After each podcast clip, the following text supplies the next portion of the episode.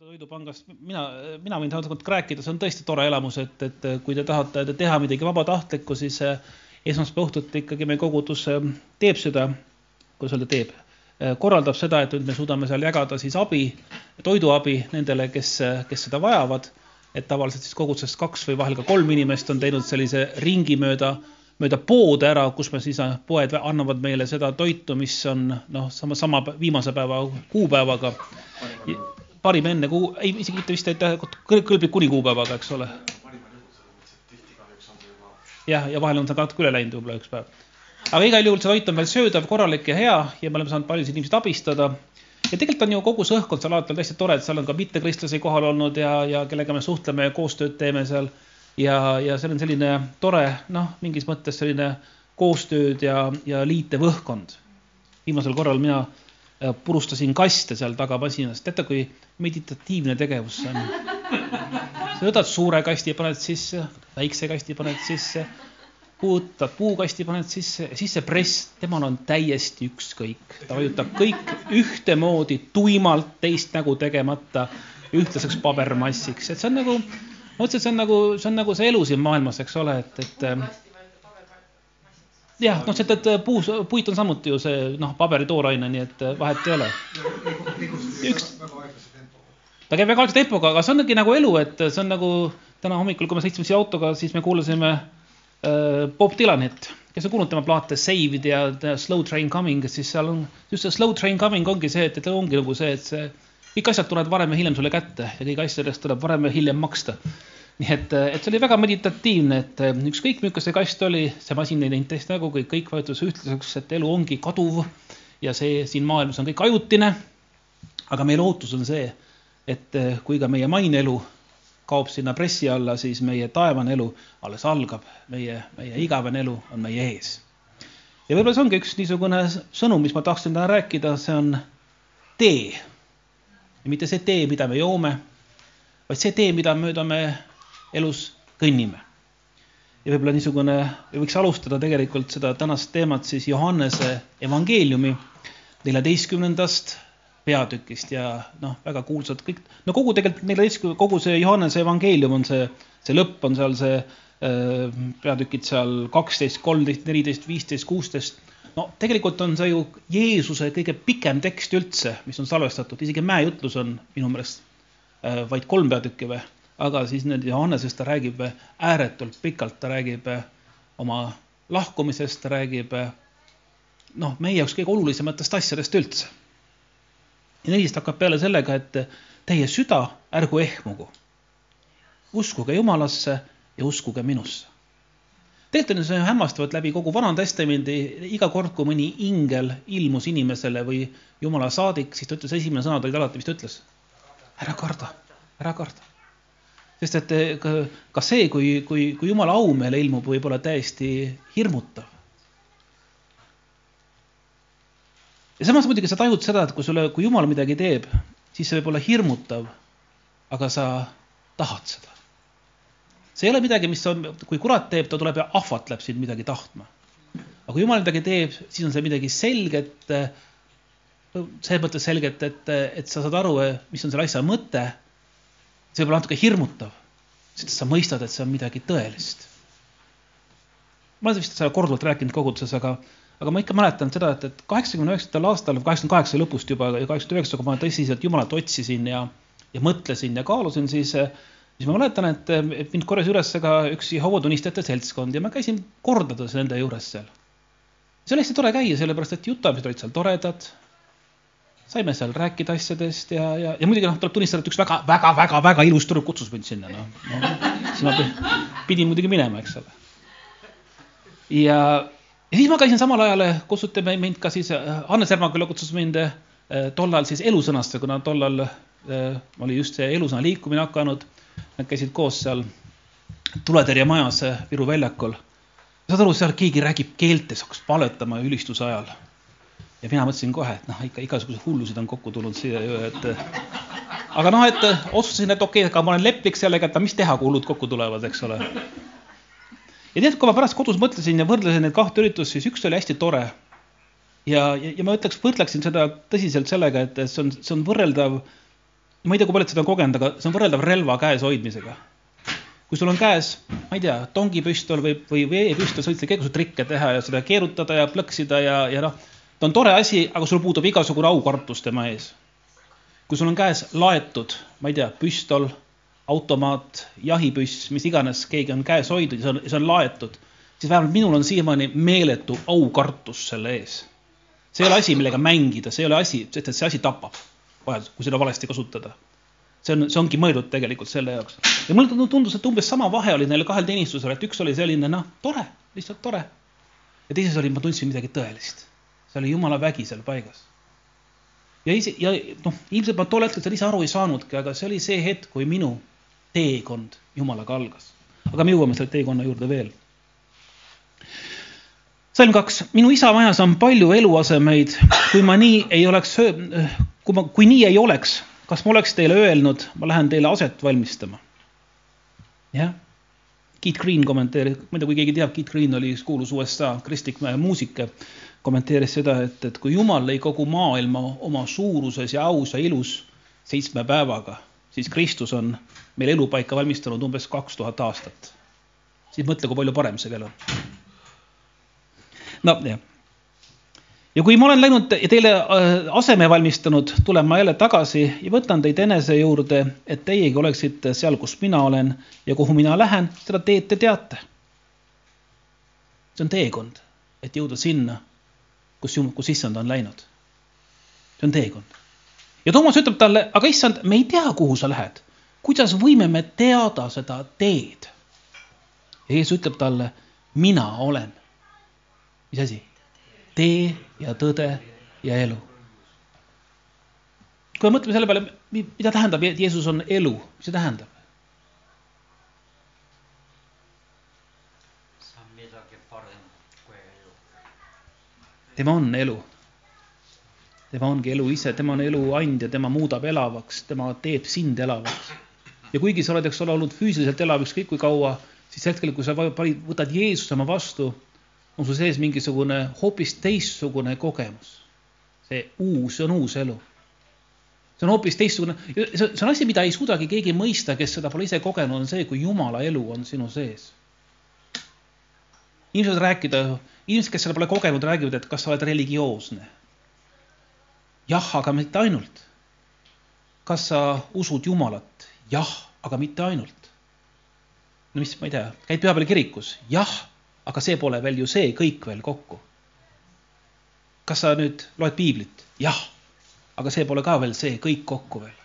et see on midagi, noh, sa kujutad ette, kui linnupoeg, kes istub pesas, kes on koorunud ja seal ootab oma emalt lapsusid, see on üks kogemus, aga hoopis teine kogemus on kerkida üles taevasse, eks ole, tiibadega. see on võrreldamatu kogu, kogemus ja kui, kui sa linnupoole rääkida sellest, siis ta sellest kuigi palju ikkagi aru ei saa. või nagu üks ma vahel internetis vahel jälgin, vabandust, Facebookis jälgin sellist tegelast nagu Harri Kingo, ta tõi üks huvitava näite ükspäev, et kui kaks Eskimod, noh, tegelikult tänapäeval peaks ütlema inuiiti, noh, viisakas öelda. Eskimo olevat solvav sõna. mida? umbes nagu, umbes nagu mustlane, jah, ja et tuleb öelda Rooma, tuleb öelda no, Eskimo asemel inuiit. kui kaks inuiiti vaidlevad omavahel, kes pole kunagi seda proovinud maasika maitse üle siis võib selle üle lõputult vaielda, aga kui üks neist on maitsenud maasikat reaalselt, siis kogu vaidluse teemaks täiesti mõttetu. sest et ta teab, mis see tegelikult on, see maitse on, tal ei ole mõtet selle üle enam vaielda, missugune maasika maitse. ja samamoodi on igavese elu, eluga, et, et kui sa saad selle jumala elu enda sisse, siis äh, noh, sul ei ole mõtet selle üle vaieldagi inimesega, kes seda pole kogenud, sest et see on tema jaoks kirjeldamatu tunne, protsess või, või olemus aga Jeesus ütleb, et tema on tee, tema on äh,, teist, teine asi, mis me rääkisime, ta on tõde. mis see tähendab? siin on palju vastuseid kindlasti, aga ja, ja, ja, ja kõik need on õiged, aga ütle uuesti. usaldus. Pilatus ütles ka, mis on tõde. just. Öeldakse vahel, et see on kõige rumalam küsimus, kui tõde seisab sinu ees. aga jah võib-olla on see, et, et ikkagi siin maailmas, kus öeldakse, et kõik on suhteline, kõik on, kõik sõlt-, kõik on äh, see äh, kuidas öelda, kuidas, mida, mis oli see Einsteini teooria, kõik on relatiivne, eks ole, kõik on suhteline, kõik sõltub vaataja asukohast, siis siin maa peal see, see võib isegi tõde olla mingis mõttes. aga vaimses maailmas mina usun seda, et on olemas üks absoluutne tõde, kes on Jumal, kes on Kristus. aga kas me seda kogeme täielikult kunagi? Kas me seda suudame täielikult saavutada või selle täielikult omada? kas me võime öelda kristlastena, meil on, meie käes on tõe monopol? ma arvan, et me ei saa, ma usun seda, et meie käes on kõige rohkem tõde, selle vastu selles, seda ma, ma olen veendunud, et olles kristlasena, me tajume Jumalat võib-olla kõige selgemini. aga kas me kõike temast tajume, kas me kõike teda mõistame, kas me kõigest teda kogeme? ma ei, ma ei, ma ei tea. ma arvan, et mitte. ma arvan, et me oleme ikkagi nagu need pimedad, kes katsuvad elevanti. Mõni katsub lonti ja ütleb, et elevant ongi niisugune nagu madu vingerdab käes. mõni katsub saba, ütleb, et elevant ongi niisugune väike jupikene. mõni, mõni haarab võib-olla jalast ümber kinni, ütleb, et elevant on nagu suur sammas. kellel neist õigus on, kes neist eksib? kõigil on õigus ja kõik eksivad, eks ole, sest et nad kogevad teda ainult oma seisukohast, aga vaid nägija suudab kogeda kogu elevant tema noh, olemuses, tema, tema suuruses arvatavasti ja lihtsalt samamoodi Jumalaga, et me kõik oleme nagu need pimedad, me, me, me kogeme teda ja meie kõigi kogemus on tegelikult reaalne. me ei saa öelda, et see on vale ähm,. erinevad võib-olla isegi usu, ma mõtlen, kristlikud kirikud võib-olla kogevad teda või mõistavad teda täiesti eraldi, erinevalt. ja me ei saa kunagi öelda, et üks on õige, teine on vale. aga Jumal, ma usun seda, et ta on, ta on ikkagi veel suurem, tema ongi see tõde. aga just see, mis ma tahtsin rääkida, on see, Jumal on tee, Jeesus on tee tee Jumala juurde, tee sinna, kus me tahame välja jõuda, tee sinna, kuhu ta ise ees läks. ja ta ütleb, et ta läks meie, meile seda ette valmistama, ta tuleb tagasi, ta on, ta on, ta on valmistanud meie ette tee. no nüüd ma võtan, alles hakkan märkmeid välja võtma. jah. on kadunud kuskile.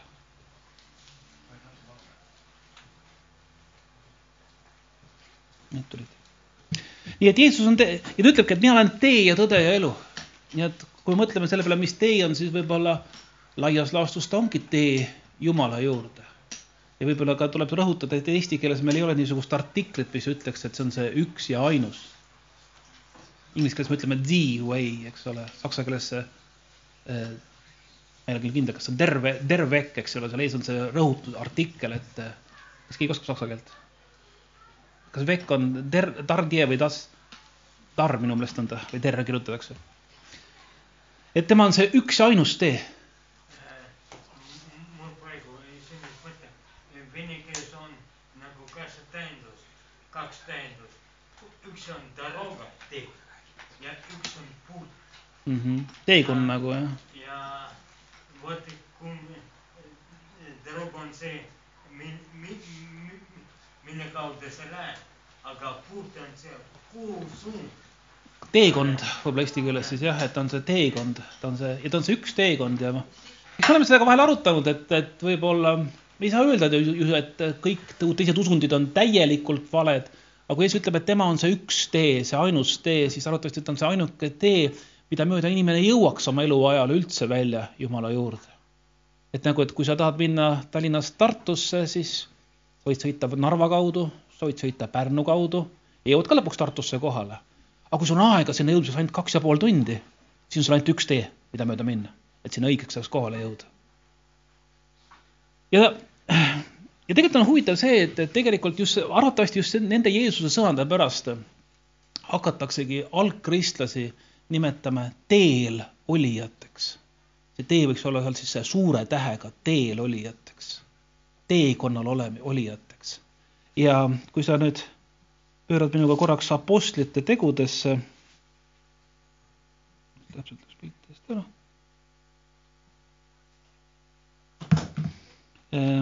Apostlite teod, üheksas peatükk. mäletate, see on see lugu, kus äh, Saulus on äh, siis äh, veel tagakiusaja, koguduse tagakiusaja koguduse vihkaja. ta on keegi, kes on veendunud, et ta teeb Jumalale midagi meelepärast, kui ta kogudust taga kiusab. ja üheksas kaks, no ütleme, hakkame, hakkame sellest üks lugema, et siis on kontekst selgem. aga jah, ja see vana tõlge ütleb väga, nagu väga, väga, väga naljakalt, et aga Saulus turtsus ikka veel ähvardamise ja tapmisega issanda jüngrite vastu. kes keegi näinud kedagi turtsumas igal juhul ta, noh, ühesõnaga ilmselt tahetakse siin öelda, et ta oli väga vihane algkoguduse peale. ja ta läks ülempreestri juurde ning palus temalt kirju Damaskuse kogudustele.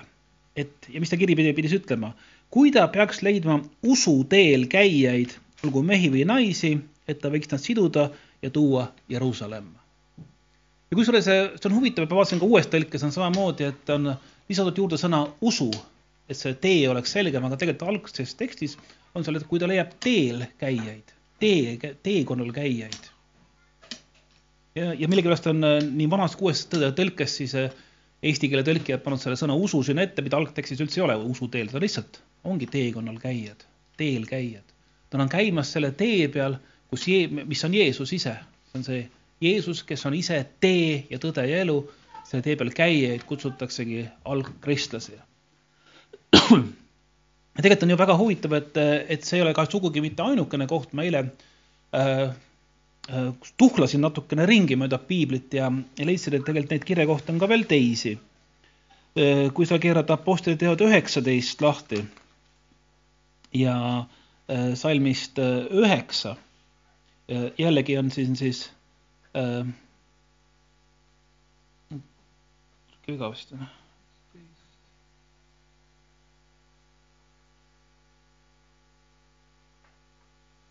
Okei okay,, see üheksateist on mul vist trükiviga siin, aga kakskümmend kolm.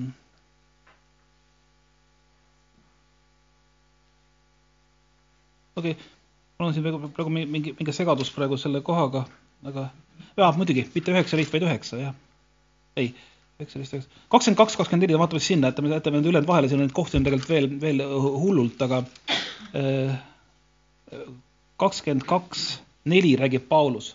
Ja sellisena ma kiusasin taga seda õpetust äh, vereni. Äh, ma, mul on siin mingi segadus nüüd praegu.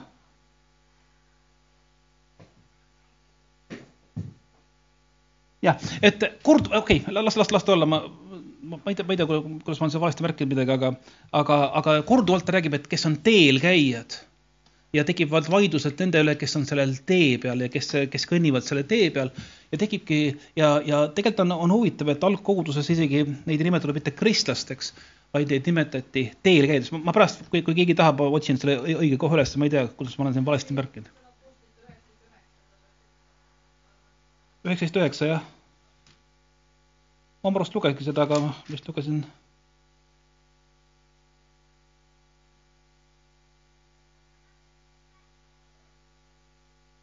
Mul on, mul on mingi vale piibel ees mul ei ole üheksateist, üheksateist, üheksateist sihukest asja. nii.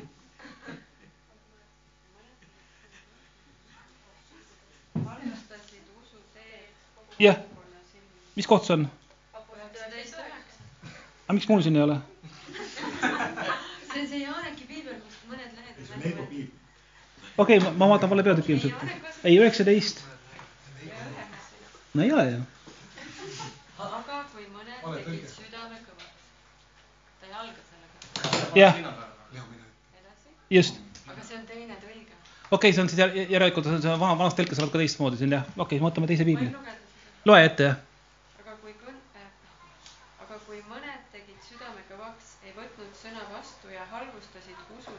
just. Äh, kogukonna silmis, siis ta eemaldas. okei okay., vana tõlge ütleb, et rääkis halba õpetusest, okei okay., ma, ma, ma ei pannud tähelegi, et ma uut tõlget lugesin eile. just, aga vaadake jällegi seda, et piiritõlkija on siin selle tee muutnud õpetuseks. uues tõlkes on ta usuteel jällegi, eks ole.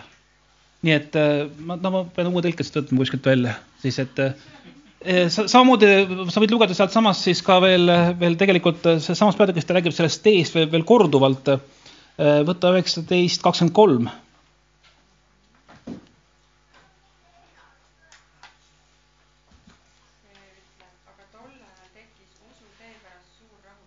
usu tee pärast jällegi tekkis, jällegi see sõna usu on sinna tõlkete poolt ette pandud, tekkis selle tee pärast rahutus.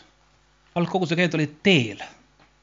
no sa võid lugeda veel kakskümmend kaks, kakskümmend kaks, neli vaatan, äkki ma jõuan siit ka juba sinna järgi uue tõlkega. Selles mõttes on uus tõlge jah, ma pean tunnistama siin, et kuigi ma ise helistan vana tõlget iga kell, on uus tõlge mõne koha pealt äh, täpsem. ja, ja kuigi Paulus sai vana tõlke. jaa, panime, see on salvestatud. kakskümmend kaks neli. sellisena ma kiusasin surmani taga usuteed. ehk siis sedasama jällegi teed, ma kiusasin taga teed ja see on hämmastav, et, et see kristlasi ja, ja kirikut nimetatakse teeks. me oleme kõik ühel teekonnal, tee peal kõndimas. ja neid kirjakohti on tegelikult veelgi, ma ei hakka neid võib-olla isegi täna kõiki ette lugema, sest et, et kui need, kui need lugeda, siis sa leiad veel kakskümmend neli, neliteist, kakskümmend neli, kakskümmend kaks ja need kõik räägivad äh, kristlastest kui teel olijatest või teekäijatest või vaidlus on tee üle. nii et see sõna tee suure tähega ongi äh, võib-olla üks esimesi nimetusi kristlaste kohta üldse, et äh, sõna kristlased tuleb ilmselt juba hoopis, no ma pakun äh, mitusada aastat hiljem võib-olla. ütle uuesti. ja me olemegi teelised jah, aga just see, et, et kui, kui me, kui, kui vahel, kui, kui, kui Jaan Kross räägib oma kallitest kaasteelistest, siis võib-olla siin me räägime just nagu just tõepoolest nagu uus telg ütleb, see usuteel olijatest või me räägime ühest vaimsest teekonnast. Me räägime ühest niisugusest elu ja vaimsest teekonnast, mis siis, mille lõppeesmärk on jõuda sinna, kus Kristus on meie jaoks ette valmistanud meie koda või meie, või meie elu. ja ütleme, kui me jätame need kohad kõik praegu, vahele, siis mõtleme üldse tee peale. kuidas tee algab üldse peale? jah, nagu Hiina vanasõna ütleb, et tuhandemiiline teekond algab esimesest sammust. ja seda teed mööda peab ikka minema. Ma ei tea, ma olen seda ka varem rääkinud, aga Hiiumaal ikka seda, Hiiumaa mees ütles seda, et mandrimees küsis, et kas see tee viib Kärdlasse. ja Hiiumaa mees ütles, et ei ta viib, midagi pead ikka ise minema. jah, et, et eks see ka selle vaimse teekonnaga on niimoodi, et me võime ju ette kujutada ja arvata, kuhu me välja jõuame aga kui me seda teed mööda käima ei hakka, kui me seda teed mööda kõndima ei hakka, siis me ei jõua mitte kuhugile. Nii et see teekond äh, võib tunduda meile väga selge punktist A punkti B. Äh, oleme siin maailmas, oleme tublid kristlased, palvetame, käime pühapäeval kirikus, maksame kümnise ära, joome kirikukohvi ja olemegi varsti taevas kohal.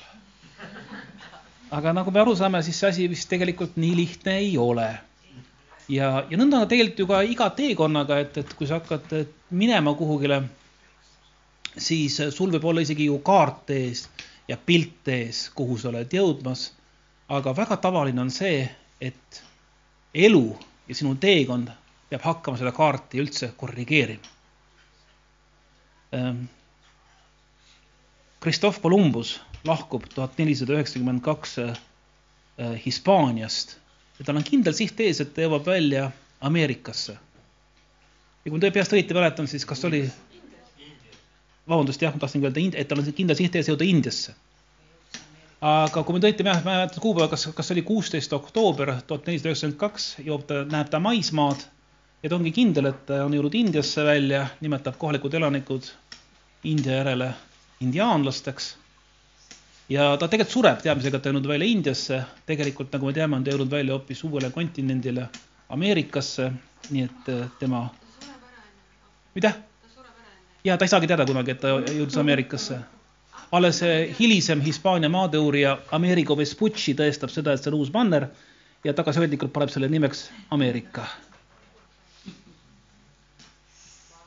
või siis minu üks lemmikkirjanik C.S. Lewis on kirjutanud sellest, kuidas ta pärast teist maailmasõda käis, pidas loenguid Kristuse teemadel ikkagi ja kord ta siis äh, kõneles vanadele kogenud Inglise lennuväe veteranidele.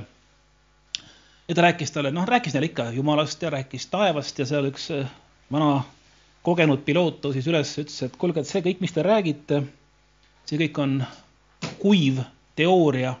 mina kogesin Jumalat, ma tegin Sahara kõrbes hädamaandumise oma hävitajaga olin seal kaks nädalat, et seda hävitajat parandada ja putitada ja lendu tõusta ja olin seal noh, korduvalt surmaveerel. jõin jahutusvedelikku mootorist lihtsalt või mida iganes vedelik ta seal oli. Mida?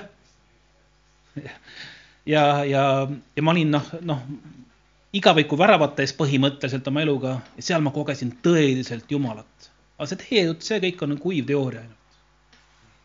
kummal õigus oli? siis Luvis kirjutabki, et jaa, absoluutselt, ta pole, ta on täiesti veendunud, see mees koges Jumalat seal. aga samas, eks ole, et see, mida tema räägib, see on kaart ja see Jumal on, on lõppeesmärk ja mõlemat on meil sellel teekonnal vaja. Ma tahan klõbistada pliiatsiga. näe, mulle meeldib, ma ei saa rääkida, kui ma ei saa pliiatsiga klõbistada. et mõlemal oli õigus kindlasti, üks koges tõeliselt Jumalat, aga teine kirjeldab seda teekonda, seda kaarti, kuidas sinna välja jõuda. kui seda, et loomulikult, eks ole, kui sa vaatad, võtad kodus lahti kaardi ja vaatad, ma ei tea, Balti mere kaarti või Atlandi ookeani kaarti, siis tegelikult see on ainult üks paberileht, kus on sinine lärakas peal. hea, heal juhul lõhnab äh, tindi järgi või noh, selle trükivärvi järgi, eks ole, seal on mingid nimed. kui reaalne on see, võrreldes selle kogemusega, kui sa seisad Atlandi ookeani ääres, lained kohisevad, kajakad karjuvad, vesi pritsib sulle näkku võib-olla. kumb kogemus on reaalsem, eks ole? loomulikult see, kui sa oled meres, on reaalsem, aga kui sa tahad üle Atlandi ookeani sõita, ma ei tea, New Yorki näiteks, on sul vaja sedasama kaarti, et mitte tee peal eksida. nii et mõlemad on vajalikud.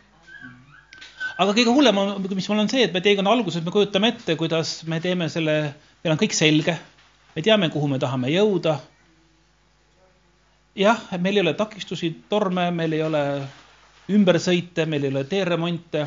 me ise ei vaja remonti, meil tundub, et see kõik on, jõuab varsti kätte. ja kõik on, kõik on ju väga lihtne. Inimesed, kes, ma, ma ei tea, äkki te olete kuulnud ka, aga on, on inimesed, kes vahel ütlevad, et see on ju väga lihtne, see on ju piiblis täpselt kirjas. siis mulle tundub, et see inimene pole tegelikult piiblit lugenud ilmselt või ta pole elu kogenud, üks kahest. et see on ülim lihtsameelsus öelda, et see kõik on väga lihtne. kusjuures jaa piibli põhiasjad on väga lihtsad. kui me tahame rääkida igavesest elust, siis kõik, kuidas seda saada, kuidas kogeda lunastust, see on tegelikult ju inimese jaoks suhteliselt lihtsalt lahti seletatud. aga kuidas kogu see teekond hakkab välja nägema, seda me ei suuda kunagi ette näha. kuhu see tee meid viib? ja väga tihti me panemegi paika selle, et, et ma tean, ma ju tean kõike, siin on kõik on ju ette määratud, kõik on selge, mul on kaart täpselt ees, ma näen seda kaarti täpselt ja korraga selgub, et see kaart on ebatäpne, selgub, et asjad pole nii, nagu, nagu nad olid seal ette määratud. nii et me ei kujutagi ette neid asju, nii et me võime teha väga täpseid plaane ja teooriaid oma, oma teekonna kohta, aga, aga, aga ka parim maakaart võib vajada korrigeerimisi. nii et äh, väga tihti on meie elus vastamisi meie peas olev teooria, kuidas asjad käivad, ja elu reaalsus Õnneks on Jumala sõna tõesti selles mõttes universaalne, et Jumala sõna on mõeldud ainult üheks asjaks, see kirjeldab meile inimese suhet Jumalaga. siit pole mõtet otsida midagi muud. siit ei ole mõtet otsida tingimata ajalugu, kusjuures ta on ajaloos suhteliselt täpne olnud, teadaolevalt. aga meie, aga see ei ole ajaloo, ajaloo, ajaloo õpperaamat. siit võib leida vihjeid ufode kohta, aga see ei ole see raamatu eesmärk absoluutselt sa võid, mida iganes võid siit leida, sa võid leida tulnukate kohta, ufode kohta, sa võid leida siit infot, ma ei tea, tervisliku toitumise kohta, sa võid leida infot vandenõude kohta, poliitika kohta mida iganes, aga selle raamatu number üks eesmärk on kirjeldada inimese suhet Jumalaga. see on nagu, kui sa kodus võtad, ma ei tea, oma pesumasina kasutusjuhendi, siis ei ole mõtet sealt otsida infot, ma ei tea, ajaloo kohta või, või või äh, kokakunsti kohta, vaid see on, vaid see on kirjutatud spetsiifiliselt selle pesumasina kasutamise juhendina. ja kui sa hakkad sealt otsima infot ufode kohta, siis äh, noh, sa oled omadega rappa ilmselt. Jah, jah, just, kui sa võtad lahti, ma ei tea, mis on veel spetsiifilised raamatud, kui sa võtad lahti, ma ei tea, matemaatikaõpiku siis on sealt väga noh, kindlasti on võimalik ka leida mingid, mingid, ma ei tea, kokanduse kohta sealt midagi võib-olla. aga see ei ole see raamatu eesmärk. see raamat on kirjutatud mõeldud selleks, et sa õpiksid parem tundma matemaatikat. sama lugu on, on jumala sõnaga. ja see aitab meid selle teekonna peal päris palju, kuigi jällegi, nagu ma ütlesin, ta ei räägi meile alati kõike ette. Jällegi vahel öelda, otsitakse jumala sõnast seda, mida üldse sealt ei peakski otsima, noh et, et jumala sõna pole mõeldud selleks, et sealt lugeda, et kas ma pean hambaid pesema või mitte, kas ma pean ma ei tea, äh, habet ajama või mitte, kas ma pean meiki panema või mitte, et see ei ole jällegi selle raamatu eesmärk. selle raamatu eesmärk on tutvustada sinu teed Jumalaga. nii et äh, ja võib-olla sellel teel on ka meil vaja ka õpetajaid aeg-ajalt, et selleks ongi kahju, nagu, nagu siin Urmas alguses luges ette, et meie koguduses on äh, seal, ta luges ette selle viielaadse teenistuse, eks ole, et, et seal on apostlid, prohvetid, evangelistid, pastorid või, või, või karjased, äh, õpetajad ja neid kõiki on meil vaja ja nad kõik aitavad meid selle teekonna peal. aga mida nad ei tohi, ei tee või mida nad tegelikult ei tohi teha, on see, et nad seda teed sinu eest hakkavad käima tegelikult, mida nad ka ei tohi teha, mis on selline vana nõustamise põhimõte, et, et sa, nad ei tohi isegi, isegi sulle näidata, kuhu suunas sa pead minema. vaid nad näitavad, valgustavad su teed sulle. sina pead tegema otsuse, milline on siis see õige tee sinu jaoks. Matteuse, kui sa vaatad Matteuse kümnendasse peatükki,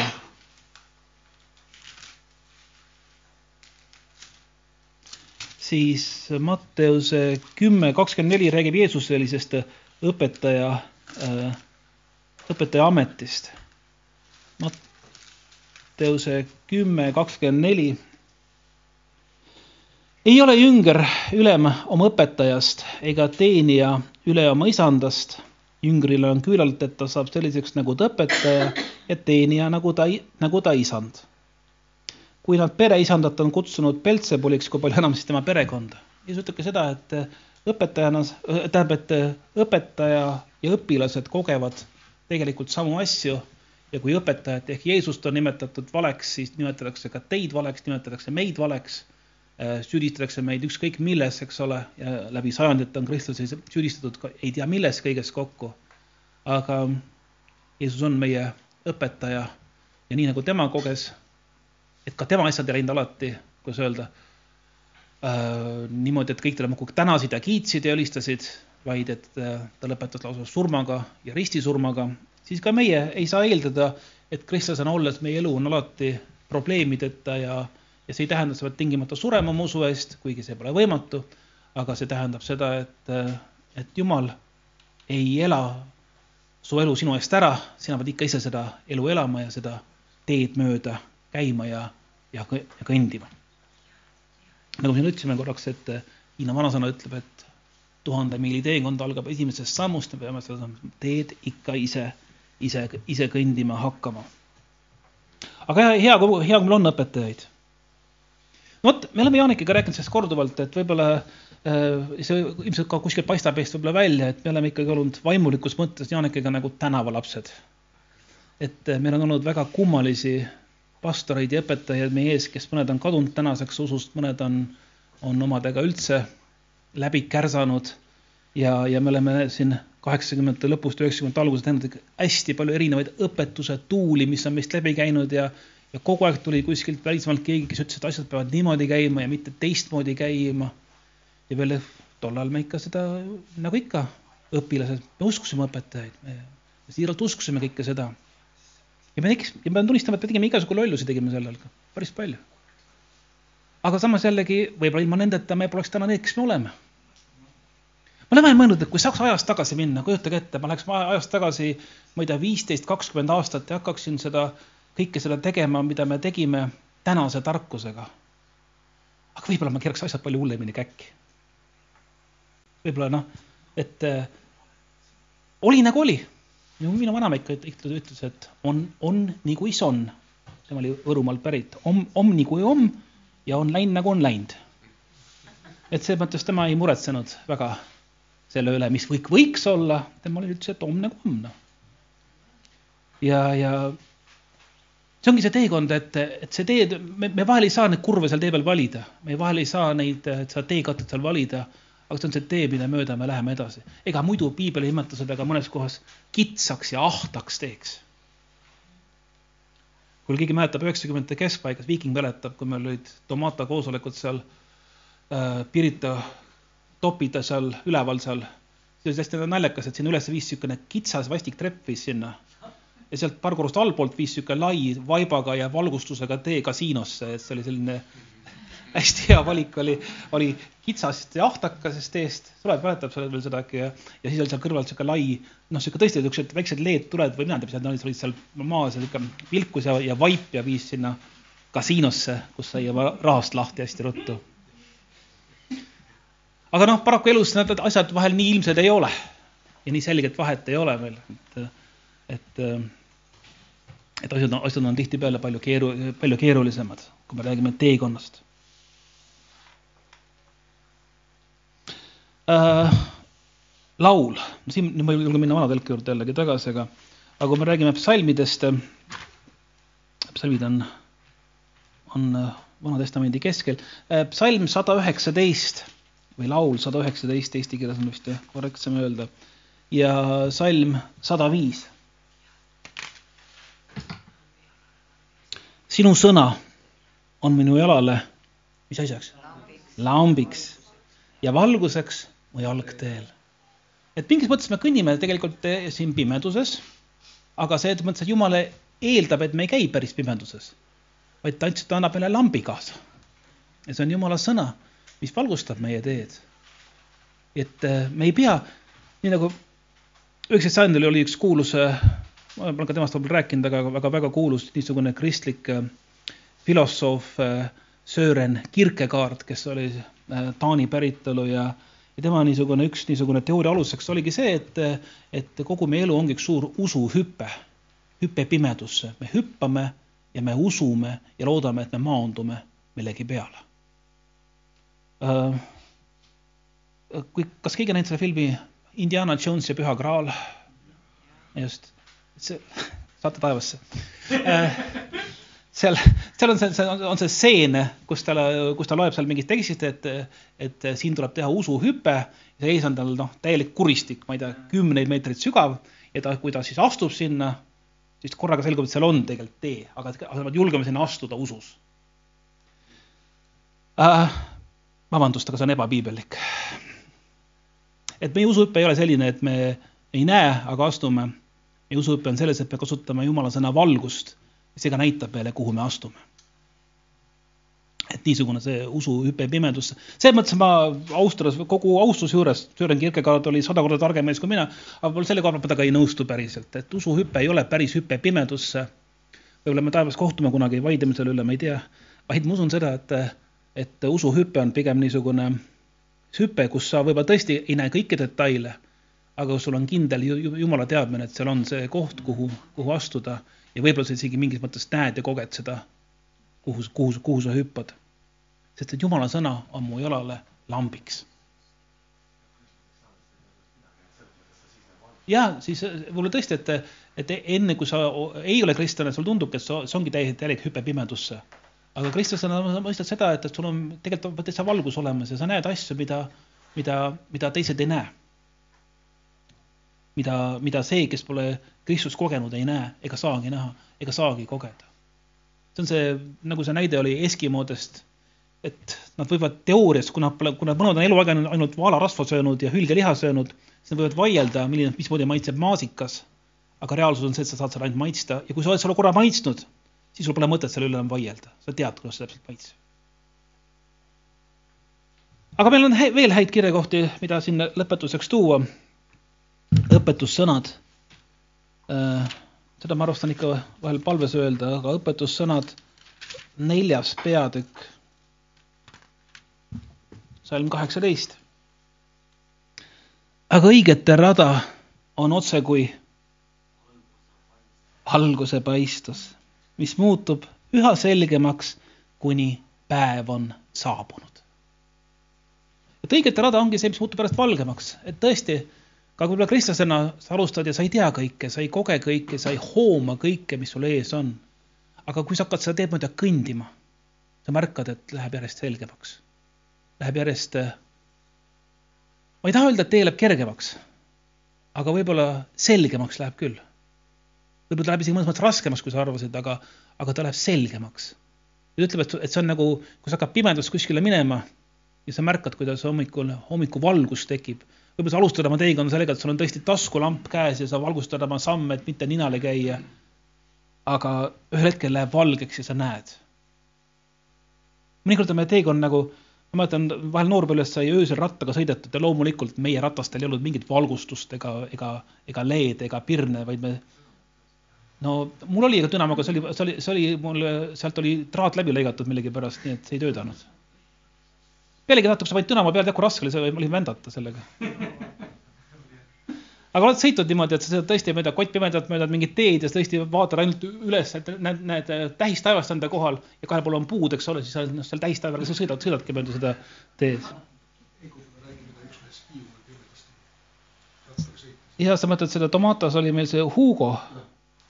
Hugo sõitis jah mööda teed, kuni ta põrkas põdraga kokku, kes tukkus ja et mõlemad olid ehmatad, põder pani jooksu teise, teise ühele poole. tema haaras ratta kaenlasse, jooksis teisele poole. see oli metsloom. et põder, et põder tukkus tee peal seal kuskil jalatestis ja tema sõitis mööda metsasihti nüüd jalgrattaga ja, ja, ja panigi põdraga kokku põmdi. nii et kõike juhtub elus, eks ole just, et lihtsalt oli nii ehmatanud, et ta ei hakanud väntama tagasi, vaid ratta kaenlasse jooksis sellega tagasi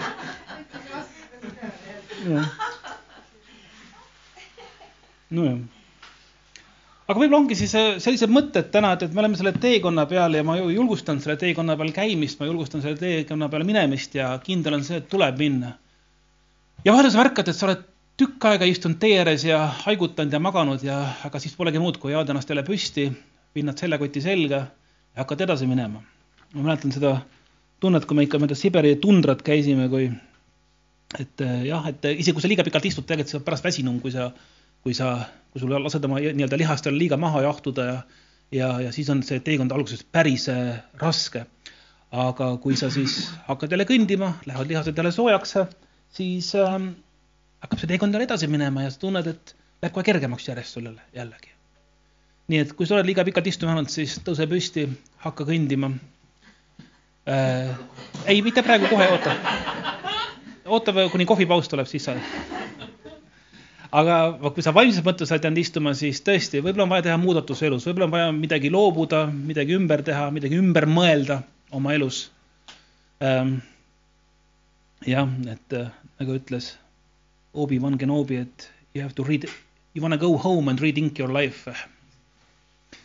et, et jah, et vahel tuleb minna koju ja oma elu ümber mõelda. ja, ja muudatused ära teha ja sa koged Jumala abi Jumala heldust, Jumala imesid. amen